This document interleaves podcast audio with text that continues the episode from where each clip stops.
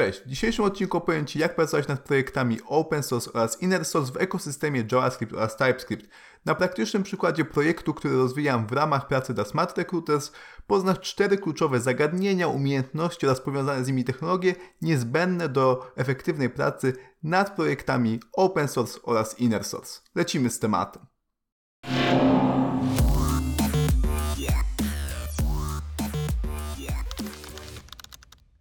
Czterema kategoriami zagadnień, o których wspominałem jest Git oraz GitHub, monorepo oraz tooling, publikowanie paczek oraz dokumentacja. I tutaj na wstępie chciałbym zaznaczyć, że w tym materiale przedstawię to wszystko w sposób wysokopoziomowy, dam Ci linki do konkretnych technologii, do konkretnych zagadnień, żebyś mógł w miarę zainteresowania zapoznać się z tym głębiej, tym niemniej nie będę chodził, wchodził w detale. Jeżeli jesteś zainteresowany miniserią, która rozpracuje każde z tych zagadnień w sposób dogłębny, to daj znać w komentarzu. Jeżeli będzie zainteresowanie, to z chęcią przygotuję taką miniserię. Jeżeli nie chcesz przegapić tej miniserii, a przede wszystkim otrzymywać 6 interesujących linków z materiałami do nauki co piątek rano, to zapisz się koniecznie na przeprogramowany newsletter pod adresem przeprogramowani.pl łamane na newsletter. Zanim przejdę do mięsa, jeszcze musimy wyjaśnić sobie jedno pojęcie. Nie mam wątpliwości, że wszystkie osoby, które oglądają ten film, mają zrozumienie, czym jest open source, ale mogli nie spotkać się z pojęciem inner source. Już tłumaczę o co chodzi. Inner source jest to zastosowanie praktyk open source w ramach firmy, gdzie tworzymy nadal oprogramowanie przeznaczone tylko dla jej pracowników, tylko dla jej klientów. Jest to zamknięte oprogramowanie, ale stosujemy wszystkie znane nam praktyki open source, budujemy społeczność, budujemy model kolaboracji i wspólnie tworzymy jakieś rozwiązanie. I właśnie ten przykładowy projekt, o którym wspominałem, na którym bazuję swoją wiedzę, swoje doświadczenie, jest projektem typu Inner Source, nazywa się UI Linter Configs i stworzyłem go pracując dla Smart Recruiters. Jest to oprogramowanie e, zamknięte w publicznym repozytorium na GitHubie. Tym niemniej cała wiedza, którą zdobyłem tworząc i rozwijając ten projekt razem z koleżankami i kolegami z firmy, możesz przełożyć również na grunt projektów open source. No i teraz kluczowe pytanie: jak zacząć? Co jest tutaj najważniejsze dla sukcesu naszego projektu open source bądź inner source? Moim zdaniem jest to ważny problem, który będzie chciało rozwiązać więcej ludzi. E, w przypadku Smart Recruiters chcieliśmy zadbać, e, abyśmy wszyscy utrzymywali e, te same praktyki pisania kodu, ten sam styl pisania kodu, ponieważ nasza firma szybko się rozwija, mamy coraz więcej programistów frontend, mamy coraz więcej niezależnych zespołów, które rozwijają własne aplikacje, no i chcieliśmy zadbać, aby te standardy w całej firmie były takie same, dzięki czemu mamy wysoką jakość i również mamy dobry experience zmiany zespołu, e, czy też kontrybucji, e, pomagania, jeżeli jest taka potrzeba. Właśnie taki problem przedstawił nam w pracy architekt Wiktor Jamro i razem z kolegami Mateuszem oraz Jarkiem zaczęliśmy pracę nad repozytorium UI Linter Configs. W tym repozytorium y, przygotowaliśmy konfiguracje ESLint, Prettier oraz StyleLint dostosowane do potrzeb różnego rodzaju aplikacji frontendowych, które mm, prowadzimy w Smart Recruiters, y, czy to w JavaScriptie, czy też TypeScriptie. O samych narzędziach ESLint, Prettier wspominałem już w dedykowanym materiale. Jeżeli nie słyszałeś y, o tych narzędziach wykorzystywanych do lintowania oraz formatowania kodu, zachęcam Cię do zapoznania się z tym materiałem. Tym niemniej kluczem tych narzędzi są właśnie konfiguracje zawierające zasady dotyczące tego, co uznajemy za błąd, a co uznajemy za właściwą praktykę i dzięki temu możemy w sposób zautomatyzowany nasz kod modyfikować y, bądź też otrzymywać y, powiadomienia o błędach y, bądź też po prostu ostrzeżenia dotyczące tego, że naruszamy jakąś praktykę. Tworząc ten materiał ESINT i Prettier właśnie bazowałem na swoim doświadczeniu związanym z rozwijaniem projektu URL Interconfigs. Jeżeli chodzi o inne projekty Inner Source, które często spotyka się w filmach produktowych, to zapewne spotkasz wszelkiego rodzaju CLI automatyzujące najczęściej wykonywane zadania, bądź też biblioteki z komponentami, bądź też e, całe design systemy. Tutaj chciałbym zaznaczyć bez jakiegokolwiek wstydu, e, że tego typu projekt, który ja rozwijałem na początku, e, czyli właśnie UI Interconfigs, jest projektem stosunkowo prostym, no bo tak naprawdę całym clue każdej paczki, którą tworzymy, jest po prostu plik YAML, który zawiera konfigurację ESLinta. Tu nie ma żadnej złożonej logiki, ona jest outsourcowana do pluginów, z których, korzystamy.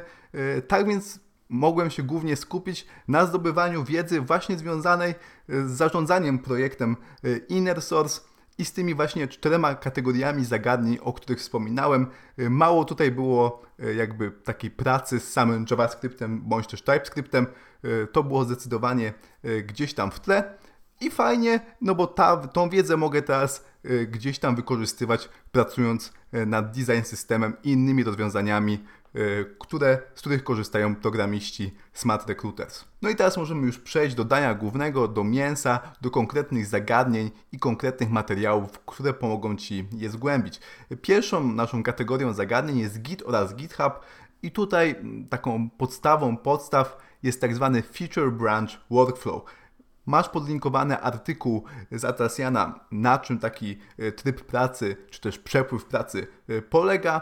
Jeżeli masz e, bardzo jakby małą znajomość Gita, to polecam Ci również darmowy kurs Overmenta. Jest to bardzo dobry zestaw materiałów, to są materiały zwięzłe, z których właśnie możesz poznać te wszystkie podstawy niezbędne, aby Feature Branch Workflow wdrożyć w praktykę. E, fajny również materiał, e, który bardziej traktuje o GitHubie, a nie o samym Gicie, e, to Open Source z GitHub na kanale FreeCodeCamp.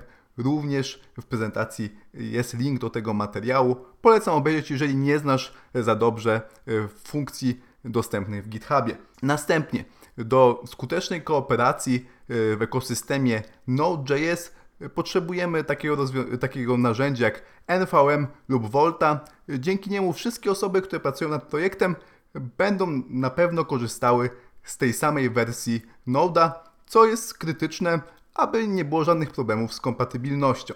Ważnym elementem tej kooperacji i wdrażania konkretnych feature'ów już na produkcję jest platforma CI/CD. To już będzie coś mocno zależne od tego, na co zdecyduje się firma, w której będziesz pracował. No ale jeżeli będziesz chciał prowadzić projekt open source, to będziesz miał otwartą rękę. Y, wiele z tych platform posiada darmowy plan właśnie dla deweloperów open source. Takie najpopularniejsze platformy to Jenkins, GitHub Actions czy też Circle CI. Kolejną kategorią zagadnień, o których y, Ci opowiem, jest monorepo. Już spieszę z wyjaśnieniem tego pojęcia. Monorepo jest to repozytorium, w którym znajduje się więcej niż jeden logiczny projekt, przykład URL interconfigs, gdzie mamy kilka osobnych projektów dla każdej konfiguracji ESLinta, którą gdzieś tam publikujemy w rejestrze i która może zostać zainstalowana przez programistów za pomocą npm install. Y, mamy config dla Angulara, dla Reacta, y, dla Prettiera, y, czy też dla aplikacji Node.js z TypeScriptem, bądź też bez TypeScripta. Tak więc jest tutaj kilka projektów w ramach jednego repozytorium. I aby tym wszystkim w sposób efektywny zarządzać, potrzebujemy wsparcia. I tutaj z pomocą przychodzi nam biblioteka Lerna, która zapewnia nam dwie kluczowe komendy. Pierwszą z nich jest Lerna Bootstrap, która pozwala w efektywny sposób zarządzać e, dependencjami wszystkich naszych projektów, wszystkich naszych paczek e, i też ułatwia nam za pomocą drugiej komendy proces publikowania e, naszych paczek w rejestrze npm, tak aby inni użytkownicy, aby inni programiści mogli y, z tych y, paczek właśnie korzystać we własnych projektach. Tą komendą jest Lerna Publish. I teraz bardzo interesujące zagadnienie, którą większość programistów zna z kompletnie innej strony, ze strony konsumpcji. Chodzi oczywiście o publikowanie paczek. Korzystamy bardzo często z npm install, śmiejemy się z wielkości naszego Node Modules, ale na ogół tak naprawdę nie wiemy, na czym w ogóle ten proces tworzenia i publikowania paczek polega. No więc musimy gdzieś tam ten proces poznać, zrozumieć i wiedzieć, jak po prostu te nasze paczki udostępnić, czy to też publicznie za pomocą rejestru NPM, czy też tworząc prywatny rejestr dla naszej firmy, tak abyśmy mogli rozwijać projekt Inner Source. No więc właśnie, NPM to tak naprawdę dwie kluczowe części. CLI, które zapewnia nam komendy, tak jak npm install, no i właśnie ten wspomniany rejestr. Głównie korzystamy z tego publicznego, ale również możemy stworzyć rejestr prywatny. To niestety nie jest takie proste i wymaga dość dużo pracy na poziomie infrastruktury. Jeżeli jesteśmy osobami początkującymi, no to może to nas zdecydowanie przerosnąć. Ale na szczęście mamy takie narzędzie jak Verdaccio, które tworzy nam prywatny rejestr bez jakiejkolwiek konfiguracji, dzięki czemu jesteśmy w stanie y, bardzo szybko zacząć testować nasz proces publikacji, nasz proces budowania i publikacji i przygotować się y, na publikację naszej paczki w rejestrze publicznym bądź też w rejestrze prywatnym naszej firmy. A za sam proces publikacji paczki, jak już wspominałem, odpowiada komenda learn publish, którą na ogół konfigurujemy y, na naszej platformie CI/CD, aby po lintowaniu, testowaniu i budowaniu naszej paczki właśnie za, za jej pomocą opublikować nową wersję y, w rejestrze. Mm, to jest tak naprawdę jeden z głównych powodów, dla których ludzie korzystają z Lerny.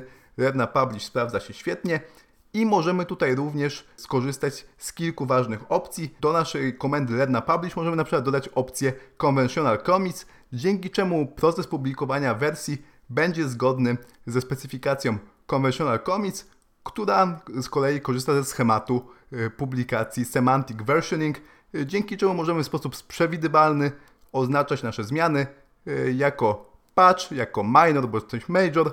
To jest informacja dla osób, które te paczki konsumują, jaki jest zakres tej zmiany, czego ona dotyczy. No i oczywiście, jeżeli mamy zmianę major, to to się bardzo często, to się zwykle wiąże z breakującymi zmianami, więc miejsca, jak ktoś dokonuje takiego update'u, to spodziewa się, że będzie jakiś migration guide. Jedną z dużych zalet Lerna Publish jest to, że po każdej publikacji automatycznie generuje się changelog oparty o komity y, tego brancha, który właśnie wbiliśmy do mastera, który zapoczątkował y, publikację nowej wersji.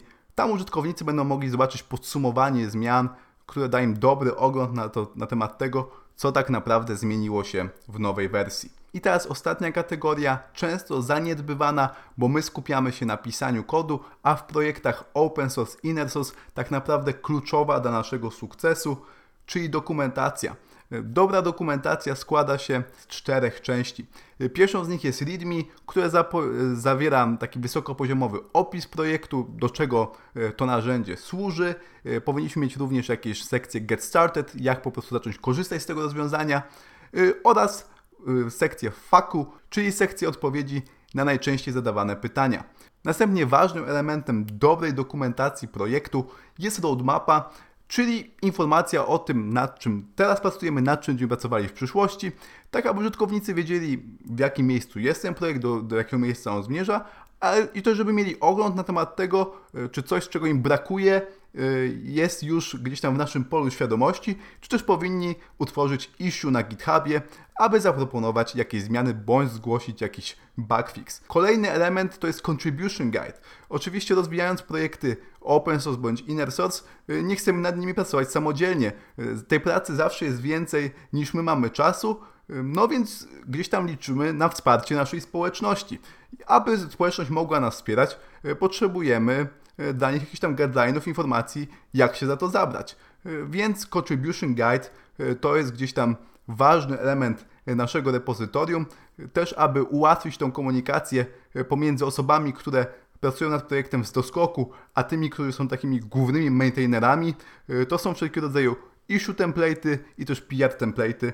I ostatni element dokumentacji, o którym nie można zapominać, to oczywiście migration guide. Jeżeli wydajemy e, major wersję zawierającą breakujące zmiany, to musimy pamiętać o tym właśnie, aby zapewnić instrukcję przejścia na tą nową wersję, tak aby użytkownik naszej e, paczki, naszego projektu nie miał żadnych problemów, aby po prostu nie sprowadzić na niego e, żadnych bugów.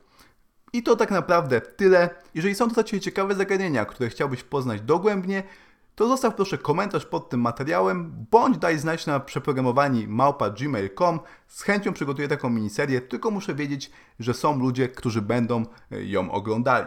Dziękuję Ci za uwagę i pozdrawiam, Marcin Czarkowski.